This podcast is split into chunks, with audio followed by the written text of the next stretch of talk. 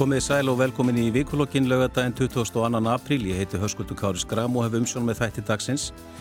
Umhverfisstofnun byrti í vikunni skýslu um losun loftöðanda á Íslandi. Sankvæmt þessari skýslu þurfa stjórnvöld heldur betur að spýti í lófana á næstu árum til að ná markmiðum sínum í lofslagsmálum.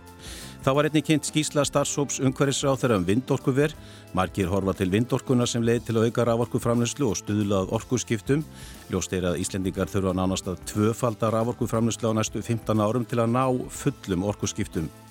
Hinga til að ræða þessi mál og mögulega fleiri ef tími gefst til eru mætt þau Finnur Beck, frangatastjóri Samorku, Þorgerður M. Þorbjarnadóttir, nýkjörinn formaður landvendar og Andri Snær Magnason, reytufundur. Verið velkomin. Takk fyrir. Takk fyrir. Takk. Þorgerður, ég ætla að byrja á þér. Þú varst kjörinn formaður landvendar á miðugudag til hamingjum í kjörið. Já, takk fyrir það. Þetta lítur að vera mikil áskorun að taka við þessu embati. Já, það er í mörg hodna líta en ég er enda búin að vera í stjórn í eitt ár þannig að ég er ekki alveg ný inn í starfseminna en ég er búin að vera í stjórn og vera síðan að sinna vinnu á sama tíma og það er ekkert alltaf bara pláss eftir í haustum til þess að koma mér inn í allt sem að uh, samtökin er að gera þannig að núna er ég bara koma mér í stellingar og, og hérna hlaka til að hitta nýja stjórn og já, það er bara horfið fram á veginn. Mörg verkefni framöndan. Þú ert uppalinn á eigilstum og það segir á heimasíðu landvendara að það hefur verið káranjúkavirkjun sem svona fjekti til þess að leiða hugana náttúruvend. Já, ég áttaði mig kannski ekki alveg á því fyrir en svona eftir á en ég sem sagt vann sem landverður uh, á hálendinu og hérna og þurfti svona að, að umgangast þessa virkun og ég fór áttaði mig á því hvað tilfinningarna mínar gagvart sko virkuninni eru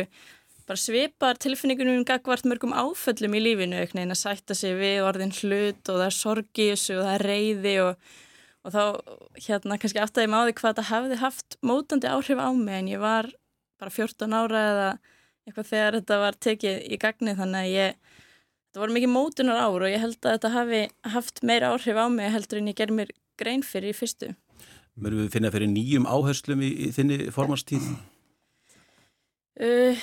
Já, ég er ekki ósátt við hérna, það sem að landvind hefur verið að gera hinga til en auðvitað er ég ný manneskja og hérna, nýr formaður. Ég mun öruglega setja svona mitt spóra á, á starfseminna en, hérna, en ég held að það verði engar svona stóra vendingar. Nei, en tölum að þessum þessa skýslu sem umhverjastofnun byrti í vikunni varðandi losun gróðurhúsa loftegunda. Þar kemur fram að langvegamesti flokkurinn þegar kemur að þessari losun er yðnaðar og efnanótkun sem hefur aukist um 122% frá 1990 eða rúmlega tvöfaldast á 30 árum. Eru, samkvæmt þessu, eru einhverja líkur á því að við getum náð þessum markmiðum 55% samdrátt árið 2030 svona með við losun ásins 2005 eins og markmiðið er uh, því núna hefur við náð 12% samdrætti frá staðan í árið 2021 þá hefur við náð 12% samdrætti frá árið 2005 markmiðið er 55% árið 2030 Andri, er einhverja líkur á því að þetta markmið náðist? Svona stefni nú ekki í það ekki byrjins og, og það er mikil vonbreið að sjá í reynu hvað þetta gengur hægt hjá okkur og hvað í reynu er lítið af svona tilfinnanlegum, tilfinnanlegum aðgerðum og, og við getum bara tekið dæmi að núna erum við nýkomin út úr kórunufaraldrinum og, og þá spyrum við eitthvað, já, hvaða áhrif hafið það á þig, þess að hvernig breytist líf þitt eftir kórunu og, og þá segja mann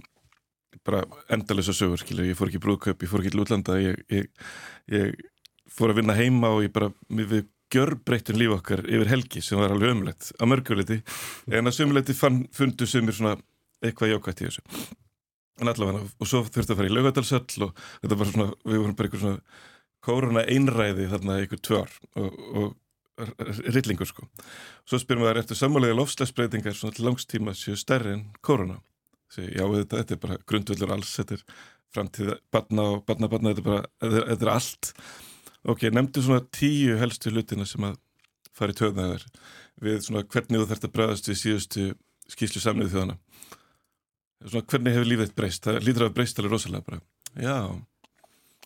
já, hvernig breyst já, þú veist bara, lögvættasöll eða, eða grímur, eða þú veist bara eitthvað svona sambarreitt við koruna já, já bara, bara tíu helstu hlutina Já, það er spurning, þannig að ég frendi minn, hann kipti Tesla um daginn. Og það, er svona, það, er ekki ennþá búið að leggja það er ekki búið að ræsa okkur sko, í, í björgurisveitina sko. við erum ekki byrjuð að gera neitt í rauninni svona sem að höndir á festandi.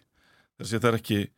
það er meira að sko, við leifum okkur loftmengun í Reykjavík þannig að börn með ekki fara út þannig að það er ekki eins og svona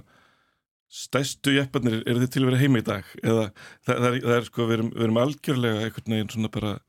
eins og einhverju prinsarka hvert þessu sko það mm. bara má ekki snerta við okkur sko mm. Finnur, er þetta óraunhaft markmið eins og við erum með þetta í dag? Þetta er í öllu falli bratt og, og metnafullt markmið um, og útliti núna er ekki gott en það er í svo mjög mikilvægt að fá þessa tölur fram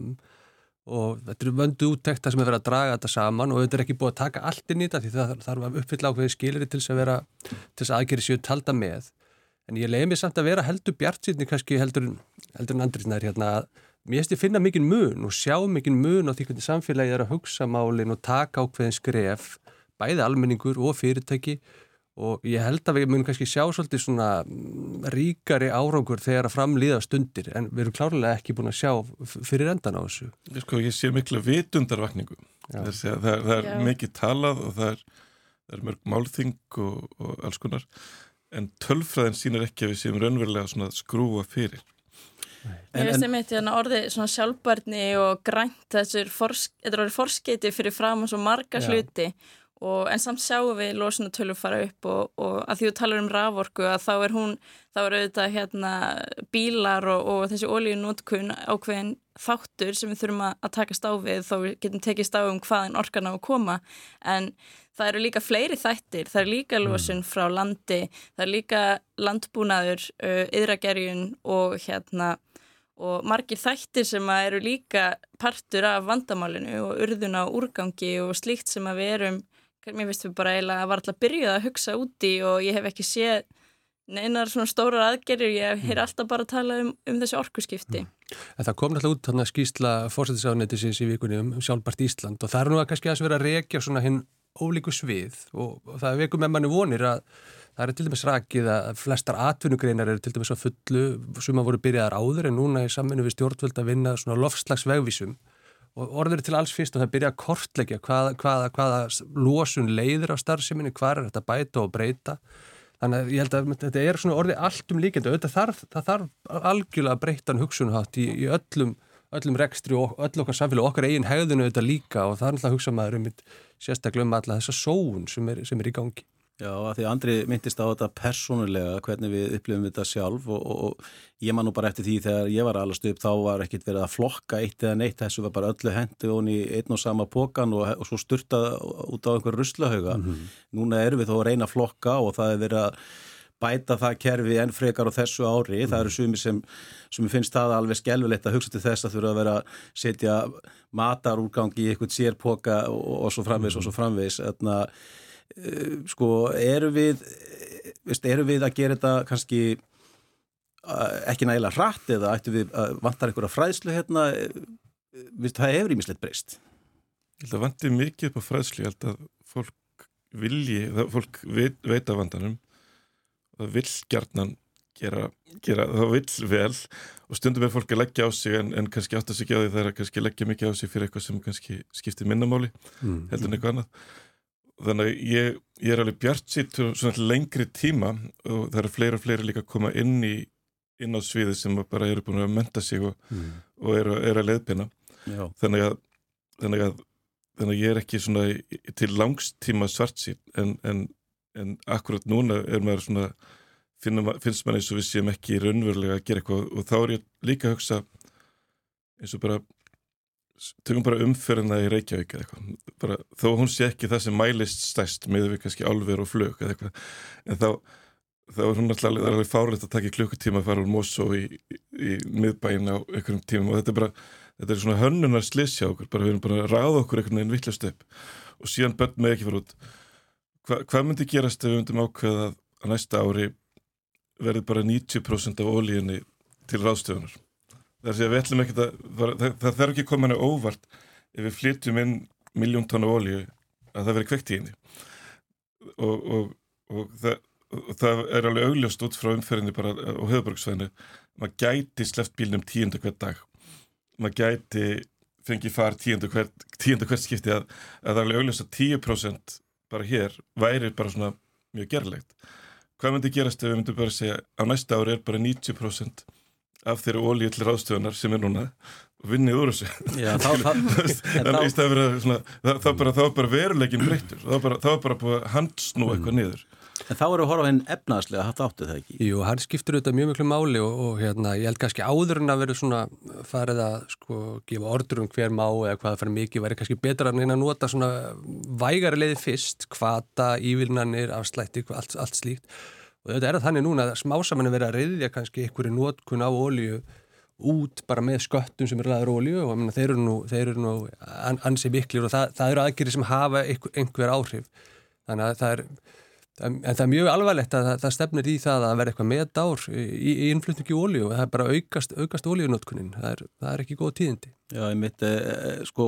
Þorgerur, hvers vegna gengur okkur, gengur okkur ekki betur að ná þessu markmiði? Ég held við séum alltaf að leita að lausnum sem að hérna, takmarka okkur ekki neitt, við erum alltaf að leita svona win-win lausnum.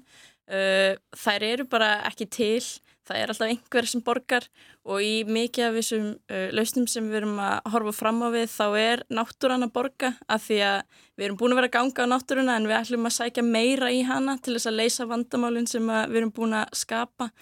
Og, og það gengur hægt og, og við hérna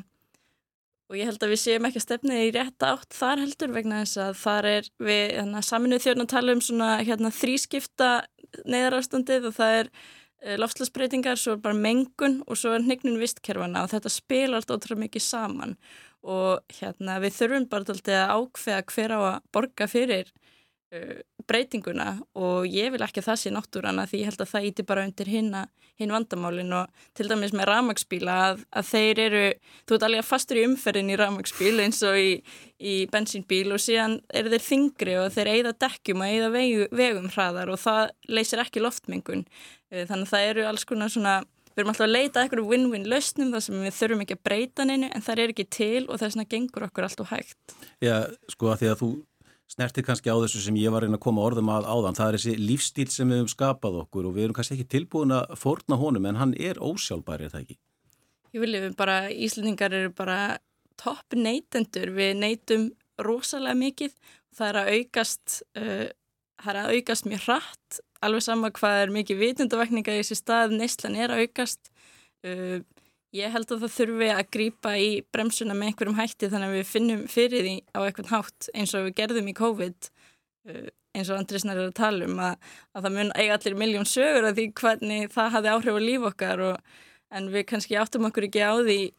að hérna, með að breyta líf okkar núna höfum við jákvæð áhrif á það setna meir mm -hmm. Sko finnur, það er stefnu ykkar að, að, að já, þið hefði sett ykkur það markmið að, að ná kólefnislautleysi árið 2040, hvernig ætlið þið að ná þessu markmiði? Já, minna, orku, orku veitufyrirtekin er að fulla að vinna bara að því markmið og það er nú svolítið síðan að þau settu fram þetta markmið og sum þeirra hafa mér þess að sett markmið ennþá framar og bara með markvíslegum aðgerðum er að gera það með því að binda, með því að draga úr útblæstri og hvert og eitt fyrirtæki kannski með sína, sína línu í því En okkar vettvangi hefur verið mikil áhersla á þennan málaflokk svona, get ég held að sagt, sko síðustu ár. Og það, þetta, þetta, þessi staða sem er uppi í sambland við lofslagsmarkmið stjórnvalda leggur þessum fyrirtækjum, sérstaklega fyrirtæki í orkugerunum, mjög ríkar skildur á herðar því að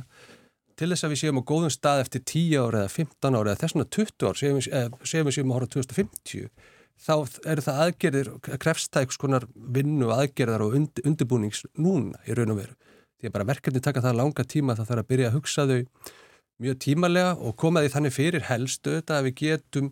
verið með nægu orku til staðar þegar það þarf að fá hana í að knýja eitthvað sem að hinga til vera knúið með jarðanelsniti. Einmitt og, og hvernig ætlaði að tryggja dreifi eða flutniskerfið að því að það er nú ekki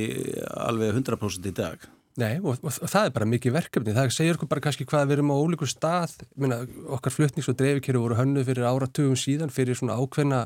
starfsemi og nú þarf eiginlega bara að hugsa þau upp á nýtt á stórum hluta til þess að geta einmitt skila orkunni til heimilega, til fyrirtækja og um allt land. Til við viljum líka að það sé engin skilin eftir, skilin eftir þegar að verið er að fara í þessar umfangsmiklu samfélagslegu breytingar og við vorum svolítið að skoða þetta og fjallum þetta ársfundunum okkar í vor. Bara þá fluttnings- og dreifikerfin og það er líku fyrir það þarf að gera mjög mikið og helst þarf að gera það tímalega, ebla kerfin og gera þá veitufyrirtökjunum kleifta undirbúa kerfin áður en að þörfin, þörfin er komin, svona allavega tímalega en auðvitað myndir þau reyna að gera það á eins hagkvæman hátt og hægt er það ekki á snemma og ekki á seint. Andri, er eina leiðin fyrir okkur að ná þessu markmiðum það er eins og þú segir að bara fara í einhverja mjög stíft aðhald og, og gera þetta bara eins og við gerðum þetta í, í COVID-faraldarnum að, að bara þetta er eitthvað vandamál við þurfum að taka því strax ekki á morgun eða eftir tíu ár. Ég held að það sé algjörlega óhjákamlega. Við erum búin að vera í ára tíi bara svona mældu þitt persónlega fótspor og, og, og alltaf að vera byggt á einhvers konar sjálfviljum, markaslustnum og öðru slíku en, en ég held að það gerist ekki nefnir að verði bundið í lög og í innviði. Þú er ekkert að fara að kaupa einhverjar fjórar, fimm gróðsetningar og, og fara svo til tenni eða? Ég, ég held ekki sko, ég, en ég sé, ég, sko, ég held að við munum samt, ég, held að eins og sem fyrir eigþjóð að við erum náttúrulega miklu háðari flugi og, og tengsli við önnurland heldur en heldur en þarna aðrir og auðvitað vildi maður að við kemum svona þokkalega til útlanda án, án þess að vera berja okkur fyrir það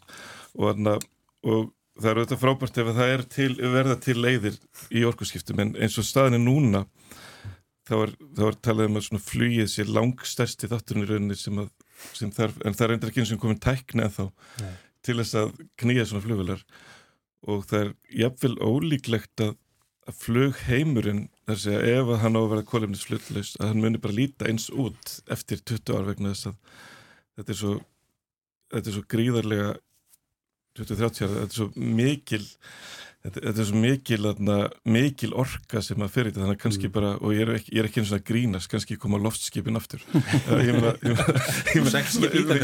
það maður þá lengi til Európa sko,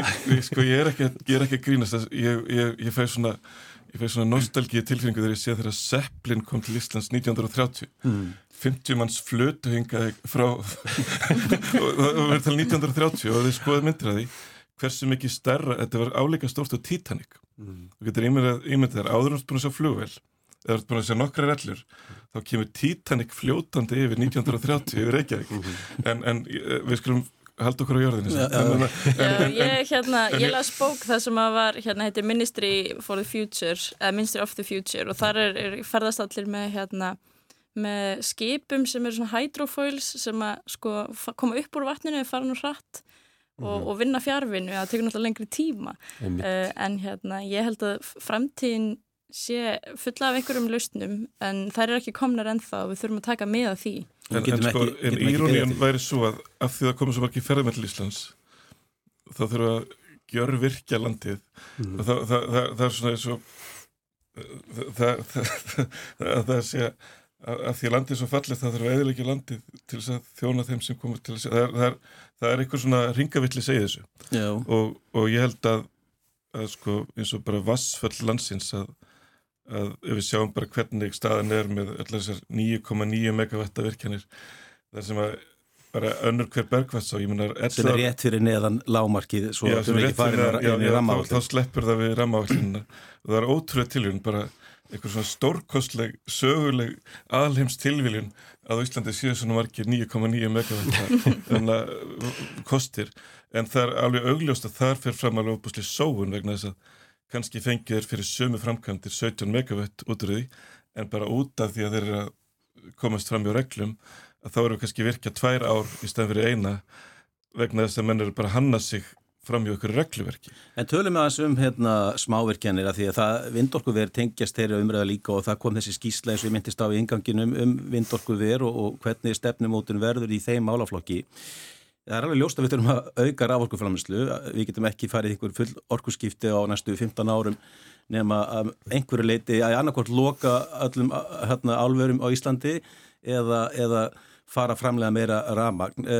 Eh, þið í landvernd eru ekkit sérstaklega hrifin af þessi stefni sem liggur á borðinu núna. Hvers vegna ekki varandi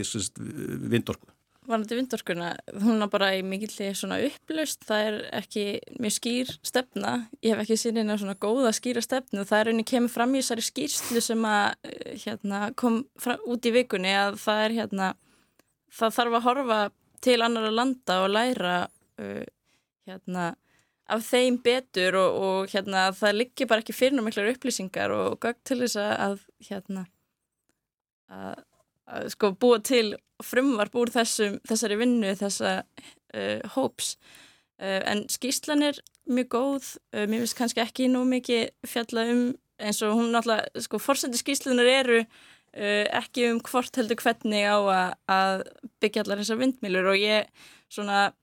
ég er ekkit endilega sammála því að, að það þurfi svo mikið af þeim vegna þess að við erum að fara alveg ofbúslega illa með orkun okkar. Og eins og við segir að þurfi kannski að loka bara öllum álverum. Uh,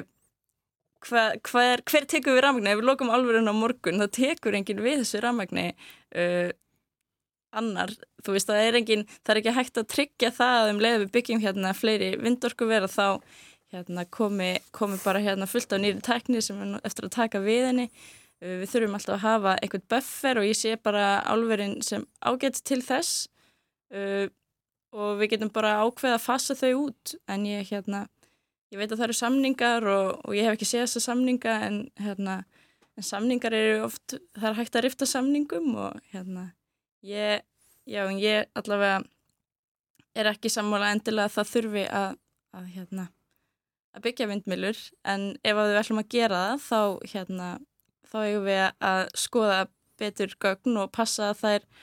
þær sé á réttum stöðum og sé ekki að velum ekki að taka alla hérna lukkurittarana inn í landið okkar sem að ætla að byggja vindorkuver hér og þar og það sé einhver stefna og eitthvað system yfir þessu. Finnur, er, eru vindorkumillur eða hvað sem að kallar þetta verð, hérna, er það partur á lustinni? Já, klárlega. Það er nokkur að koma svo margi púntar sem er einhverja aðeins að pikka upp bara aðeins ja. sem Andri var að tala um ég meina, sko stund, stundum eru verkefnin skömmi fyrir að vera alltaf stór, stundum eru skömmi fyrir að vera lít til að vera óhagkvæm, en það er eitthvað jafnvægi þarna á milli sem að ég held að þurfa að vera og ég meina það eru til smávirkjarnir sem eru bara mjög góðar virkjarnir með lítil umhverfisárif þó að þessu undir 9,9 megavettum og það er ekki inn í ramman þá sæta þau mjög ríku umhverfismati, skipilagsferðli það, það er mjög vanda til verka það bara fer ekki þess að leið að fara eiginlega í tvöfalt sama matið og inn í alþingi, þannig að það er kannski svolítið munurinn, ég minna, það mætti líka færa rauk fyrir því að við mér mætti bara vera aðeins herra en vanda samt til verka. Og það er ekki, ekki bara fyrirtækinn mér orkustofnun hefur verið að kortleggjum all land um ára byl, sko, tækifæri til smávirkina, það er Líka getur verið jákvæmt að fara í smávirkjanir eitthvað starf landi þar sem að flutniskerfið er óburðugt og er ekki að stekka flutniskerfið fyrir svona einhver aflframlustuna innan einhver, einhvers fjörðungs þannig að þetta hefur allt kost og galla en ég er algjörlega sammálað prinsipinu við eigum að reyna og það er alltaf, það er bara bundið í lög við eigum alltaf að reyna að virka á hafkvaman hátt við erum að reyna að leiða fram þjóðhagslega hafkvaman nýtingu á náttúruöðlundum, á sjálfbæran hátt. Vi, Við erum náttúrulega erum langs, lang, langstærstur áherskuðframleðendur heimi og, og það sem maður kannski spyrsistundum er, erum við einhvern veginn að sanna að mannkynni getur aldrei stoppað. Manni hefur oft fundist það svona í orkugeran ég veit ekki hvernig, það er náttúrulega komindaldið af nýju fólki inn í orkugeran en, en svona þegar að eins og, eins og þegar ég svona svona fyrir að skipta mér af þessu og, og taka eftir þessu þá, þá var eins og við varum að sanna að mannkynni getur bara ekki stoppað. Að, að bara ef, við, ef það er möguleiki þá nýttum við hann sko. Og, og ef, ef það er ekki ef það er ekki nóttæft þá bara búið til bitcoin eða eitthvað, það er bara, þá bara gerum við bara, þá gerum við eitthvað fantasi og notum orku til að framlega það yeah. og, og þó, þannig að þá betur varið sko, þannig að svartá er 10 megawatt og ég hugsa, við erum í alveg að berjast um svartá sem er svona einhver ótrúlega perla fyrir norðan og með það fyrir 100 megawatt í bitcoin og þá hugsaðum við bara, erum við bara sanna hérna fyrir almættinu bara að við ráðum ekki við okkur Já. Nei, ég held að það sé ekki rauninu. Ég held að minna, hugsunin hefur líka við, það er mikil þróun í orkugerunum í því að, bæta, nú verður þetta virkjanir, bæta sérstaklega hérna, hvernig er þetta að stýra þeim, nota nýjastu tækni, auka nýttni, hámarka nótkunn á flutniskerfinu, fyrirtekin vilja svona, auka nýttnina til þess að fara eins vel með þessu hægtir. Svo bara aðeins, aðeins um sko vindin, þá er hann klárlega eitthvað sem er bara sjálfsög viðbót við þessa möguleika sem við höfum. Hann, hann sem að hérna, hafi, og tekur ekki á aðrið sem hafi verið gaggrínt, hann er ekki svona varanleg sko nótkunn á landi, við erum ekki verið að taka skref sem er ekki að taka tilbaka. Það er að byggja hann upp í áfengum og þetta er sko tækni sem hefur sanna gildi sitt og búið að nota í áratugi í, í nákvæmlega löndum okkar. Og þess vegna ef við verið frekar ánæmi þá vinnu sem að stjórnveld sett í gang að þau settu þarna starfsóp umhverfis orku og loftlagsnaður að settu þarna starfsóp á stað sem er greinlega búin að liggja yfir, svo búin að hitta, ég veit ekki hvernig hann er ekki búin að hitta, sko, það var tiltekið í skýslunni, þeir eru búin að hitta svo útrúlega margt fólk. Og þá reyka þessu auðvitað það, þetta er bara flókið viðfórsefni og mér finnst það bara dæmum manda stjórnsýslu og stefnum og draga fram svona alls konar aðrið sem að þarf að svara í, í nýri stefnu. Og ég er samlega því stefnan er kannski ekki komið fram veist, í, í skýslunni en við vonumst til þess að þetta verður bara góðu grundvöldur til samtals um alland, um, um þessi um, um vindorku nýtinguna. En ég held að vindorkan sko, hún er bara algjörlega 100% ein af, ein af eitt af því sem mannkynni þarf að gera. Það er bara hvort sem fólki líkar betur að verða við vindin. Að þá, þá, þá er ekki að tala um Ísland, það er bara að vera að tala um Ameríku og, og Európu og bara Kína. Að, að þetta er ein af stóru lausnunum vindur, sólarorka og svo, svo er svo skrítið að fyrir bara þessu varmadælur, ég meina það er varmadæla mm. í Vestmannheim sem, sem, sem er svona eiginlega næstu töfralaust þar sem breytir orku sem er bara í umhverfunu varmorku í, í þarna fimmfaldarana með þarna varmadælum mm. og, og það eru alls konar lausnir úti þannig að, þannig að út frá svona hvernig mann kynnið á að fasa út ólíu kól og allt þetta þá, þá er er, er óhjákamilegt að mjög víða þurru vindmiljön en líka samt þurfu að gæta því að kerfið sem byggum til var búið til, var hannað eitthvað svona ábyrðalessi út frá einhverjum óendanleika af orku og þetta óli er alveg brjálæðislega merkilegur og góður orkugjafi. Og, og, og þar er leðandi kannski byggum við til hraðbröðir og alls konar enga bílakerfi og, og dreifðar borgir allt þetta. Og samgöngu vennjur sem bygg, byggði á því að við værum með bara til ráðstöfunar bara óendalegt af ykkur sem var ókipis mm. en svo erum við koma staði að, að þetta kostiði eitthvað en það var svona, svona með við vinnuna sem að einn óljötuna gefur okkur eitthvað tíu þúsund mannár af, mm. af, af vinnu að, að þá var þetta alveg stórkostlegur miðill en, en það er erfitt að, að bara búa til einn á móti einum kerfi úr vindmilum, við þurfum að hugsa hluti allt öðru sér líka og bara, við þurfum bara að segja í fyrir að hugsa hvernig getur við knúið 100 miljón bíla ári með vindmilum, þá kannski þurfum við að spyrja okkur já, kannski þurfum við ekki 100 miljón bíla en, en einhvers konar aðra samgöngum á þetta og, og það er þá á heimsvísu. En á Íslandi til dæmis þá þá má alveg velta fyrir sér en núna finnst mann eins og vindmilu dæmið sé bara eitthvað svona gullæði að það bara annarkver landegandi sér svona glíuna og ef Ísland er 100.000 ferrkilometrar þá, er væntilega pláss fyrir eina vindmil og hverju ferrkilometra sem er þá 700.000 þannig að 400.000 megavött eða eitthvað. Þannig að það, það, er, þannig að það er svona nokkuð ljóst að, að, að það væri mjög mikið. En, en, en vegar hins vegar getur vel verið að sé pláss fyrir vindmilugarð einhver staðar. Og þá hvar væri honum best neðu komið?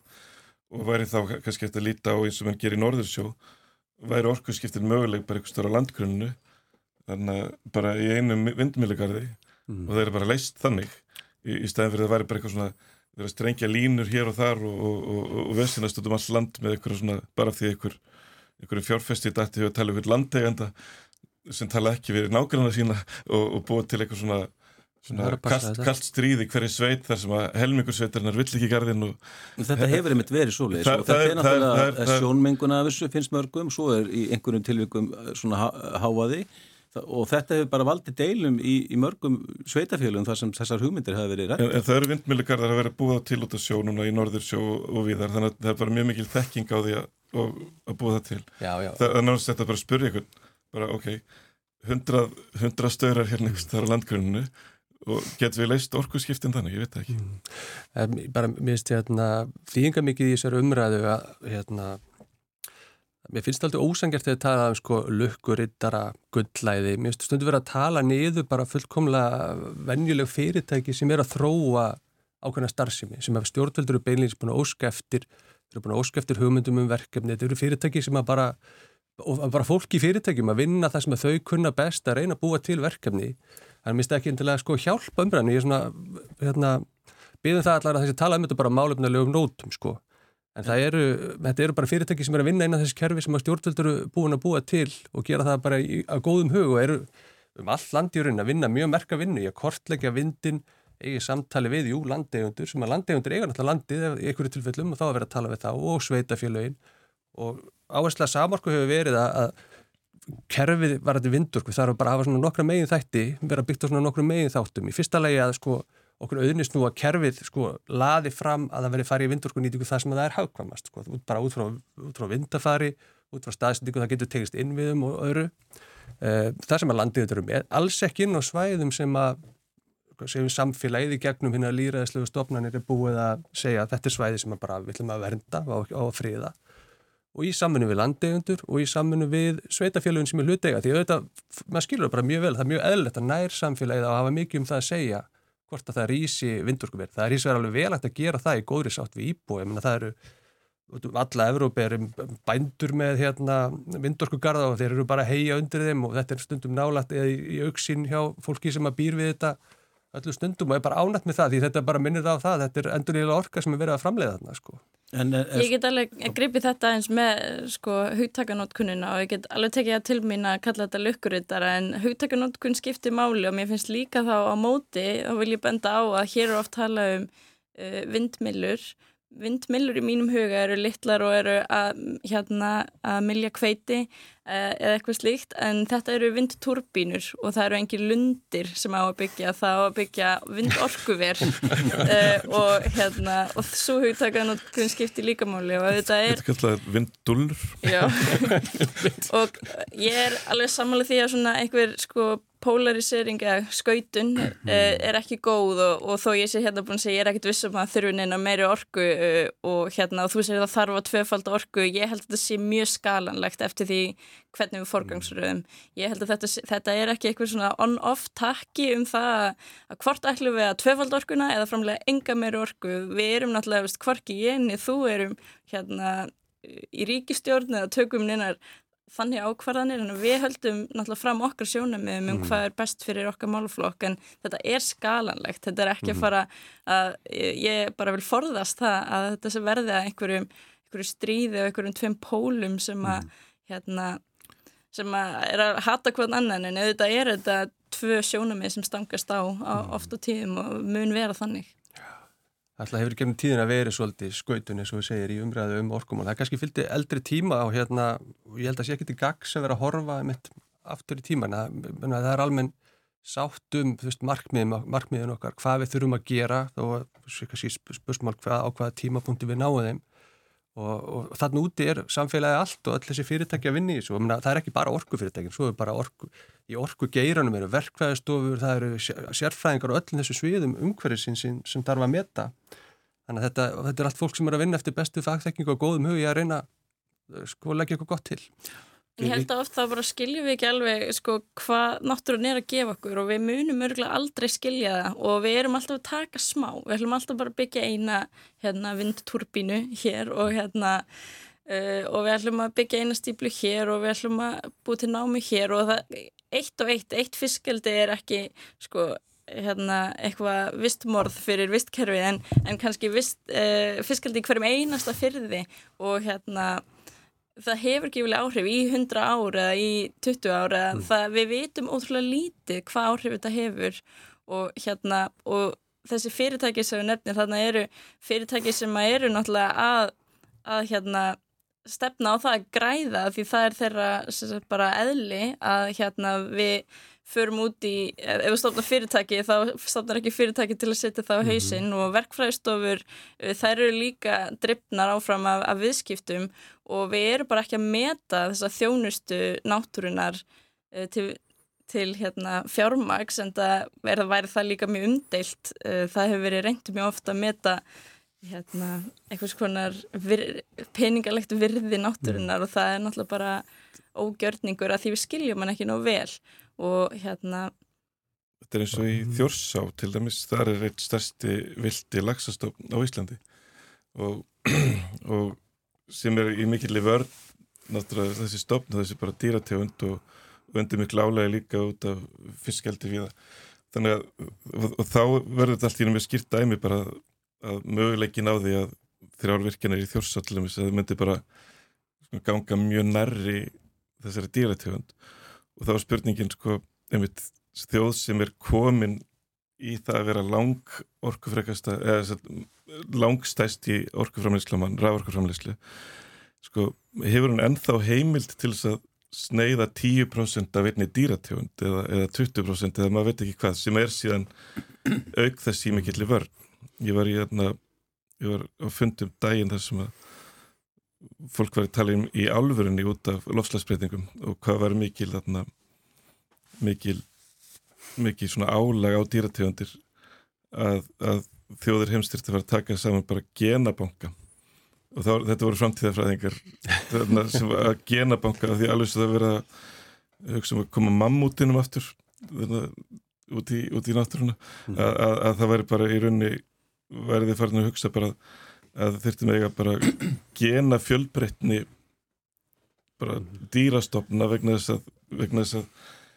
og þá er það hugsa um kannski 2-2-300 ára að, að á meðan við förum yfir þennan hjalla mm. og síðan ætla mér kannski fara að bæta litið eftir að þurfum við að eiga bara mm. erðavísa. Já, ég las það einhvers staðar að menn sé að veltaði fyrir sér að reyna að endurveikja geirfuglin. Eh, já, en, já. en, en allavega, en, en til skamstíma þá er þetta bara spurningin sko, er það fjölbreytilegi íslenska lagsins? Hann náttúrulega býr þá að luta til í, í þjórsá. Við náttúrulega endur samt reysum ekki heilu vistkerfin hreinlega vegna sem við skiljum þið ekki nei, vel. Nei, ég, veit, nei, ég, veit, ég sé bara svona út frá bara svona erðafjölbreytilega, það er ekki nóg að lagsa bara í öðrum ám, mm -hmm. að það skiptir ofbúslega miklu máli að að staðbindnir stofna sér til og, og mm. ef við hugsaðlega gungum nærri einum þeirra bara hvenar þá er, er lagsin ekki lengur bara lífvænlegur sem, sem tegund. Mm, þetta er umhverfið vantilega verið metið, ég menna þetta er búið að fara ekki ferli svo, bara svo fólk vitið að ég menna í umhverfismati er lagt mat á áhrif á fiskistofna, fiskistofa kemur að þessu sérfræðingar í því þannig eru einhverja mótvæðisækiri, ég er nú alls ekki sérfræðingur í þessu tiltegna verkefni en og, og þetta er bara svo gott að, að, að liggi fyrir og fólk gerir sér grein fyrir því að í umhverfismati er verið að taka á öllum maturum og það eru fugglar líka alveg klárlega svo í tengslu við vindmiluna, það eru lagsar í tengslu við vassabli, það myndum að segja vassabsturbinur, það ekki, maður er alltaf að nota sömu sömu, sömu erfra. Það er talað þannig. Já, já, já, já vassabsvirkun, já, með mitt. En fyrir ykkur sem voru að koma viðtækinu þá sittum við hérna Finnur Beck, frangværtastjóri Samorku, Þorgerur M. Þorbjarnadóttir, formaða landvendar og Andri Snær Magnarsson, reytufundur. Aðeins áður en að ég eh, fyrir að öðru eh,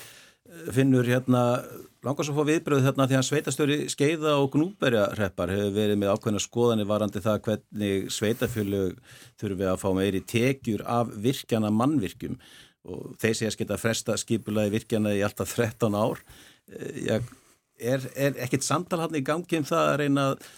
að svona að gera sveitafélagum kleift að fá þá allavega einhverjar almennilega tekjur þessu? Mm, sko, þetta er ekki borðið borði samorku beint en, en maður, sko, það er bara alveg þekkt stef allstaðar það sem er verið að virka hérna, einhvers konar ágreiningur eða verið að tókast á um einhvern ávinningu skattekjur og, og það er bara eðlilegt, það er, það er, það er hluta af þessu en slíkum sjónamið þarf náttúrulega fyrst og fremst kannski að beina ríkinu sem að fer með heimildinu til að leggja á skatta fær náttúrulega umtalsvert miklar skattekjur. Ég held að landsvirkjun hafi kynnt að 50 miljardar hafi runnið í ríkisjóða hérna, og skatta og göld hérna á, á ásfundi sínum. Þannig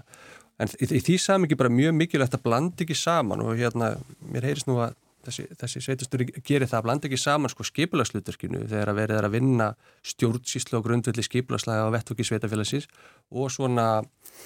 uh, áherslum sko sveitastjónarinnar varandi það hvernig umgjörðin önnur, önnur lag, óskild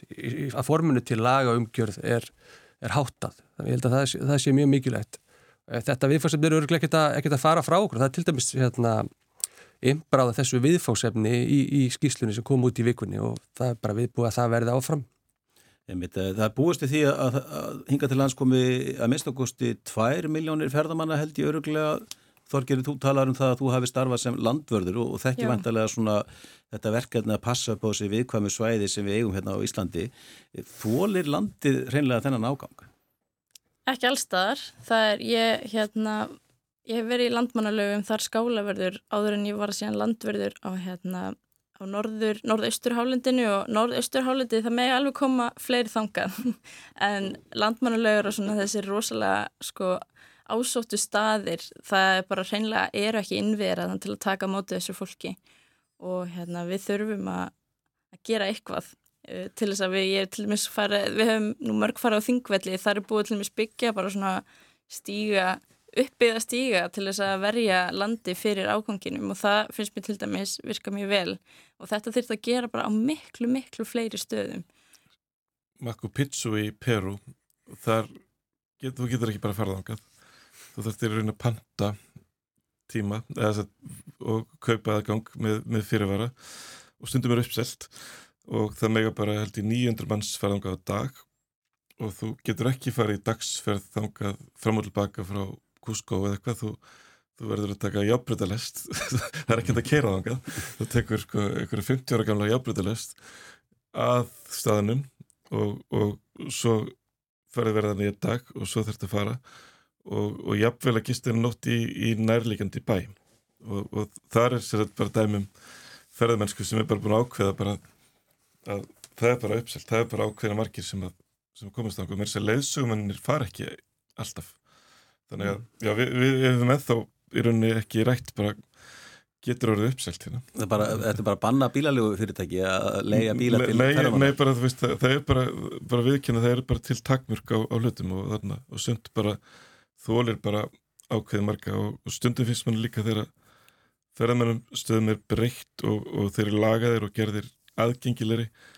þá er henni hættir staður en þannig sé að vera til eða, eða það er að sko hann er bara orðin eitthvað annað eins og ég man alltaf tilfinningun að koma til þess í hljóðakletta það er allt öðruvís að koma í hljóðakletta gegnum tróðningin sem láðhangað e, heldur en að þegar manni finnst hljóðakletta að vera bara eins og pissustopp núna með 90 km uppiðan veg. Og, og við þurfum alveg að huga, hugsa bara og ræða mjög opið bara hverjum þjónar þá líka uppbygging á ferðmennastöðum og þarna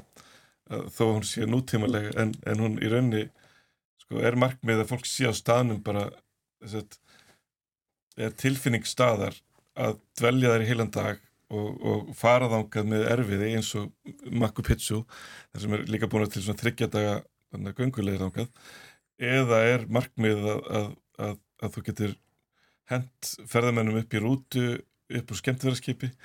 og þeir hafi hálf tíma þess að líta í kringum sig. Sko er, er það, það ferðamennska sem við viljum byggja upp og er, er þegar við erum búin aðstöðu, er það aðstæðan sem við viljum byggja upp? Og þegar við byggjum upp þá aðstöðu er staðurinn þá ennþá til? En við höfum verið að gera nákvæmlega þetta sem þú ert að segja mörguleiti, við höfum bara verið að sópa fólki til landsins og, og bara ítt þeim út í náttúruna á þess að vera að manni finnst að sé ykkur svona almenleg umgjörð um þetta. En ég, ég ferðast um landið náttúrulega með í gönguhópum og, og þarna, bara mjög mikið og maður getur ennþá verið aðleip mjög við það. Ég er alveg sammála því mitt þarna, ég var í, í landmannalögum og það var alltaf bara röð allan lögaveginn svo um leið og fórst bara eitthvað, eitthvað annan stíg, eitthvað aðeins útferir, það varstu bara einn mm. og ég held að að hérna, við getum bara stýrt þeim á, við getum ákveð hvað staðir eiga að vera aðgengilega fyrir marga og hvað staðir eiga ekki að vera og svo stýrum við ferðamennum en það eru þetta rosalega erfitt sérstaklega með Instagram og geotag og allt þetta það er bara, það er alveg svona það er alveg staðir það sem að bara nei, ekki taka annan stað ekki vera væra en því þú veist, endilega fólk að koma og skoða hann, það er bara, það eru takmörk fyrir einmitt, hversu margir geta. En, en í sambandi við eins og ferðarþjónustunum þá er Ísland næstu jafn stort og Breitland eh, og, og þar er að staðaldri 100 miljónum manns bara, eða 70 miljónir á þeirri eigu mm -hmm. við erum 300.000 á og þó að komi hingað 2 miljónir í, í smá tíma þá, þá er það í rauninni sko ég myndi, ég myndi segja að þetta sé meira svona kannski líka menningarleg menningarlegt þarna þólmark þess að hvenar þarna, hvenar svona allt er orðið ferðmannastæður eða, eða það, og mm. þetta er líka kannski meira já bara menningar og efnagslegt kannski frekar einhvert að svona einhverju staðir þóli að einhverjir skreppið ánga sko. Já og með öllum þessum ferðamennum fylgir náttúrulega aukin raforku nótkun þeir fyrir að hlaða símanna og bílanna og það þarf orku að skipta allir þessar flugvili Já já og koma já, með flugvilum fara fram og tilbaka. En Það þarf allan að byrja á bílalegu bílunum þeir, þeir eru náttúrulega mjög margir og þeir, þeir koma hérna og eru leiðir út nýjir hérna, ferðamennunum og svo fara þeir yfir inn á henni almenna marka þannig að það er það er jákvægt að það á að reyna að gera gangskur í því að reyna að fjölga hérna, ramagsbílum fyrir, fyrir ferðamennana og, bílalegu bílum. En þá aftur komum við að hlæðslu innviðunum. Það þarf að passa, passa þeir í lagi og huga því um, um all land. Er það alveg komið í lag? Getur þú keirt ringin svona til dælu örugur um það að þú fáir alltaf hlæðslu einhverstaðar Já, ég held að það er nú að vera sko, komist, alveg, komist alveg ringin en þetta bara Það það að býða kannski eftir hlæðslu að fá hlæðsluna Það, það getur auðvitað að vera allavegni hérna, þetta er svona, fer eftir hvernig þú lítur á hvað er mikið trafík líka og hvað þú gefið um mikið tíma en það er verið að leggja mikla vinnu í það að vinna í þessu um allt andar bæði þá þeir sem að sjá fyrirtekin sem að sjá um flutningu og En ég vil líka bara skjóta inn í hér að ég til dæmis á ekki bíl og ég, það er mjög sko, mikil, á, mikil ákverðin hjá mér að eiga ekki bíl, aðalega því ég hef ekki efni á því. En hérna, uh, ég er að, ég ákveða að sapna pinning frekar en að eiga bíl. En það er ógeðslega erfitt að ég ekki bíl. Ég er, ég er bara oft í viku verði ég bara reyð yfir því að hvað það er mikið vesen að eiga ekki bíl. Og allir þessi ferðamenn sem kominga, núna hef ég eh, búið í Breitlandi og ég ferðast aðeins um Breitland því að þú hérna, nefndi Breitland að ég þurfti aldrei bíl til að komast á milli staða, ég get alveg ferðast um svæðið og þegar ég fyrir útlanda þá leiði ég ekki bíla því ég bara tek lest eða rútu eða eitthvað. En við erum að horfa á til dæmis, ég get ekki tekið strætó til eigilstaða uh, og ef ég tek strætó á höfn og svo annan strætó frá höfn til eigilstaða daginn eftir þá kostar það mig meira heldur en flugmiði. Og þetta eru þetta líka eitthvað sem þurfum að hugsa um með alla þessa ferðamenn. Þeir vilja ekkit endilega allir vera á bílulegu bílum kannski vilja þeir bara nota eitthvað annað sem er ekki staðar. Sambandi við bara hvernig við skipilegjum innviðina. Að ímyndum okkur ef það veri hjólastígur frá hveragerði austur í Viki Mýrdal og jáfnvel bara hefni hóttanferði bara svona eins og bara í kringum ægisíðuna. Að, að ef maður getur farið með fjölskylduna í fimmdagaferð bara á hjólum mm. og, og, og sem væri hægt og, og ferðarmenn getur líka gert það. Það myndi gjör breyta í rauninni hvernig fólk færi um og það myndi breyta alls konar stöðum sem er ekki ferðarmennastæðir í dag í áningastæði og við, við, við, við þurfum eiginlega að hugsa líka er þetta spurningum með þetta tvöfalda allar hraðbröytir hérna á, á Suðurlandi og, og, og kera fólk, þannig að fólk komið selst fram og tilbaka á jökulsárlónu á sama deginum? Eða, eða, eða er jáfnveil sjarmi í hvernig vegurinn er og er, er, er, er það bara uppselt? Eða, eða getur við búið til innviði sem að í rauninni dreifa fólki allt öðruvísum landi og þá er mitt hjólastígur frá hverjargeri, þetta er jafn flatt og Holland það er reynda stundur rók og stundur ringning en samt sem að, að það er alveg fólk sem að sem að ég er alveg sannferður um að þetta getur verið bara mikil búbót fyrir sveitir söðurlands verður að hjóla bara eins og Toskana hér að þannig bara í gegn. staðfest, staðfest að það er nú bara unun að hjóla um landi, ég hef gert það nokkur sinnum í hérna svona sæklóþóni, hérna svona keppni og hjóla um landi daga sem nóttu, það er, það er, það er indislegt sko. þannig að fara rafhjólum Mér langar aðeins að spyrja þið finnur að því með því hérna, það kom í frettir í, í, frett, í frettum vikunar að, um þessa rúsn, um þessi rúsnensku njósnaskip sem hafa verið að sigla yfir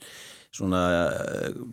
hvað er það, vindorku, nálátt vindorku verum, sæstrengi og ólíðilegslur í Breitlandi og Skandinavíu eh, sko það er líka, við erum náttúrulega með innviði sem eh, eru berskjaldar að einhverju leiti kannski fyrir netarósum þó að sé ekki einhverjar svona mm -hmm. sprengjarósir mm -hmm. erum við alveg með að tryggja öryggi okkar fyrir því að, að það sé ekki hægt að lama hreinlega þetta raforkukerfi okkar með einhvers konar netarósum Það er í öllu falli búið að leggja mjög mikla vinn í því að vanda til þess að þetta er málaflokkur sem hefur vaksitt tölvert á, á undanförnum árum. Og myna, orkumál eru, eru, eru þjóðar öryggismál, það sést náttúrulega best að því hvað hefur gengið á, í, á meilandi Evrópu í tengslu við innrásinna í, í Úkrænu og öll ríkið þetta mjög meðvituð það að fjarskiptu og orkumál eru, eru þjóðar öryggismál og, og vettfangi samorku hefur bara farið fram tölver vinna hjá svona samvinna á milli fyrirtæki akkurat á þessu sviði og hún er alltaf þessi eðli sem að vill ekki upplýsa nákvæmlega hvernig hún er en það fyrst og fremst er þá bara að vera að skiptast á, á þekkingu og, og vinna með til þess bærum stofnunum hérna innanlands. En okkar kerfi eru þannig að það, ef að einhver er klár tölvu hakkari, já, kemst inn í kerfi hjá okkur þá getur hann valdið verulega miklu tjónið ekki. Jú, um, það er bara eins og tölvukerfi eru mjög ríkur þáttur í, í stjórninni á öllu þessum kerfum og, og fyrirtækir sem er að reyka hvort sem eru flutnings, og dreifikerfi eða, eða virkanir eru mjög meðvitað en það að setja mjög mikið púður í það að hafa góða varnir og vera vera með nýjustu upplýsingar og líka í, í náinni samfunni við til þess bæra aðila til þess að reyna að gera allt og minna netárið sér þekkjast á þessu sviði eins og, eins og öðrum. Já, það er ekki mikil tími eftir og mér langar að nýta þessa síðustu mínútu kannski til að ræða mál sem að ég veit að, að þið er þér hugleikið andri, það er þessi gerfigreind, chat GPT sem allir eru að tala um í dag. Það kom til dæmis fram í frettum vikunar að mögulega hafi háskólaneymar látið gerfigreind skrifa loka verkefni fyrir sig verður þetta kannski bráðum þannig að við förum að lesa bækur eftir gerðvegreind og þið rítum þetta stjættið degið svona bara út? Já sko það eru miklu fleiri sem er verið degja út sko. Ef maður les, les þarna mjög bránu það er leiðandi sérfræðingar í, í gerðvegreind, þetta er ekki bara chat GTP heldur sko. Það var verið að tala um að það, það tækir svona eina doktorskráðu að kortleggja eitt prótein uh, og, og og svo kom bara gerfugrindin og kláraði það á einni helgi. En getur við þá ekki bara spurt gerfugrindina hvernig leysum við lofslagsvandan? Ég mennir náttúrulega að vona að, að, að, að sko, það góða við hana er að reikningetan geta mitt svona hjálpað okkur að komast að niðurstöðum sem við hefðum ekki geta komist í vegna sem við getum ekki greint öll þessi gang uh, sem er telja að réttvöndari mitt sko bara verði allavega í svona einfaldari verkum hvað með því? Bara glæpa svona, ég ég glæpa að segja svo skrifa krosskóta. Nei, ég, ég, ég ætla ekki að Þú ert að grínast. Nei, þeir, ég hef alveg látið þetta forrið sem ég ljóð fyrir mig og, og, og, og það er eftir sem ég ræður og ég, konu mín prófa að láta skrifa verk fyrir, fyrir spítalan og það bara, þú veist, þetta er náttúrulega og lögfræðingar, þeir geta látið þetta bara meta mál, þannig að þetta er mm en, en síðan sko það er svona skam, til skamstíma og svo náttúrulega bullar fór þetta alveg endalist og það sagði ég væri stopnandi stjórnmálaflokk sem heitir Bærens bestu. Og það er hún lífur alveg, alveg eins og, eins og En lærir af einslunni Já, en síðan erum við að tala um, tala um sko, hvernig er þetta eftir 20 ár sko? Og núna erum við að tala um að það þurfa að stöðva þróununa í hálft ár og meðan það bara setja eitthvað regliverk því að einmitt, eftir 20 ár gæti einmitt, þegar þetta er svo samofið þá geti kerfveldinu sett bara að slökkum bara tölvukerfina finnst hérna. Finnum svo dónalegur á internetinu. Og mann er líka að tala um sko að mann er raunverulega, þetta er svolítið spennanda því mann er raunverulega að hugsa um bara hvað er vitund og hvað, hvað er sjálfsvitund og, og mun mun á einhverjum tímpunkti verða þessi vera og þeir, er þegar fann að ruggla í verkfræðingunum. Þannig að þeir í rauninu telja sig vera að tala við vitiborna veru og, og og, og, og svo er bara, eru leiðandi fólk í þessum heimi reynlega bara búið að gefa heimstendarspátum sem er ekki, og ég las þetta bara um dagina í Time Magazine að maður sem kallar faðir gerfigreindar við veitum ekki hvað ég má kalla þetta. Ég sá ekki kalla þetta GG gerfigreind þannig að þetta kallar AI í önsku þannig að við erum, við erum svo skamt komin við erum ekki eins og komið nafn á þetta. Og hann var að segja bara að ef við sleppum þessu lausu þá verður heimsendir. Og, og, og hann er þá eitthvað búin að framreikna þetta meira heldur en ég heldur en að, að það sem ég ljóð fyrir mann. En, en þá er þetta bara mitt í því að það er annarkvæmt búið til einhverjar vélar sem að skada okkur eða þarna eða sendi tölvupost til Wuhan og láti það slepp út þarna. En þá eflur í veru. Og svo náttúrulega erum við nú þegar búin að missa stjórn á samfélagsmiðlum. Þess að við, við þegar lífum í samfélagi við sættum okkur við að að eitthvað forrið út í heimi er búið að stela fjórum til fimm tíma af, af lífi hvers barns á landin það, það, og okkur þykir það bara sjálfsett en ég myndi eitthvað þegar að gerfigreindin er og, og gera þau eitthvað svona dópaðum fíklum fyrir streymið sitt sko. mm. og ég myndi eitthvað gerfigreindina sem er farin að tekja það ennþá betur og, og skemta þeim ennþá meira En er þetta ekki bara með eins og alla nýja tækni það er að margt sem þarf að varast en, en oftast er hún til góðs, er það ekki? Ég sko, ný tekni er bara ný tekni og hún getur verið alls konar. En, en ég, ég er ekki með heimsendarspátum og ég er bara að segja, við erum á hérna, við erum bara okkur gjörsanlega nýjum slóðum þar sem er bara allt í enu teknin getur bara bara breytt svo miklu. Hún getur Og- búið til myndir, ég var hérna þegar Dalli kom, þá var ég að láta búið til myndir af David Attenborough í fimmleikum, í keppnisfimmleikum og eitthvað svona. Og bara maður ímynda sér samt sko hvað myndir hafa mikið vægi, við höfum haft, þú veist, ef eitthvað mynd af einhverjum í einhver, einhvers konar hlutverki fer á dreifingu geta haft rosalega miklar afleggingar fyrir viðkomendin, svo hvað ef það er bara eitthvað gerfugrein sem getur bara búið til mynda hverju sem er, það er þetta Það er líka sko upplaust veruleikans, það er að við gáðum vita fyrir svona árið síðan að textin var þá alltaf skrifað, skrifaðar af einhverjum Mhm. og við gáðum, gáðum vita að myndin var líklegast raunveruleg nefnum einhver væri svona ótrúlega góður í Photoshop sko. Mhm. en núna bara er komin bara eitthvað svona upplaust veruleikans sem að þegar maður sér eitthvað þegar maður spyrir sig, var maður sem skrifaði þetta og er þessi mynd af einhverjum alveg hlut, það var mynd, ljósmynd sem vann Sony öfna, ljósmyndasamkjöfnuna og hún var, hún var bara unnin í gerfugrind hún var ekki, hún var ekki af neinu, hún var bara Mér finnst, mér finnst mjög gott að, að, að svona klára þennan þátt með orðanum upplust veruleika setna, Svo endur þetta löflettri heimsendar Já, já, hérna Þorgerur, hvað er framöndan hjá þér um helgina? Ég er að fara núna á ráðstöfnu ungra aðtöfnakvöna. Uh, ég er orðin á sein þangað, en ég hlakka bara til að, að fara á hana. Og svo held ég að ég sé að syngja í messu á morgun. Ég þarf að- Tekk á því, Já. Finnur? Já, ég er enda líka að fara að syngja í messu á morgun. Hérna, svo kallar húsalegu messu með Karlakóttu með Esju sem er eitthvað skemmtilegsta sem ég geri. En, en í dag vorum við ekki búin að ákveða. Við konakortum myndum fara á hjóla, ganga fjall. Einmitt. ég er að fara að messa við pýrötum á eftir um umhverfismál. Þetta er um einhvern umhverfisþing og síðan er vikan undirlega bókmyndahátíð þannig að ég var pantaður í að á fjall með nokkrum merkis í rittvöndum eftir. Þorgerur, Andri og Finnur, takk kærlega fyrir komuna í vikulokkin Þátturum verður á sínum stað á lögata eftir viku. Við þökkum fyrir okkur, verið sæl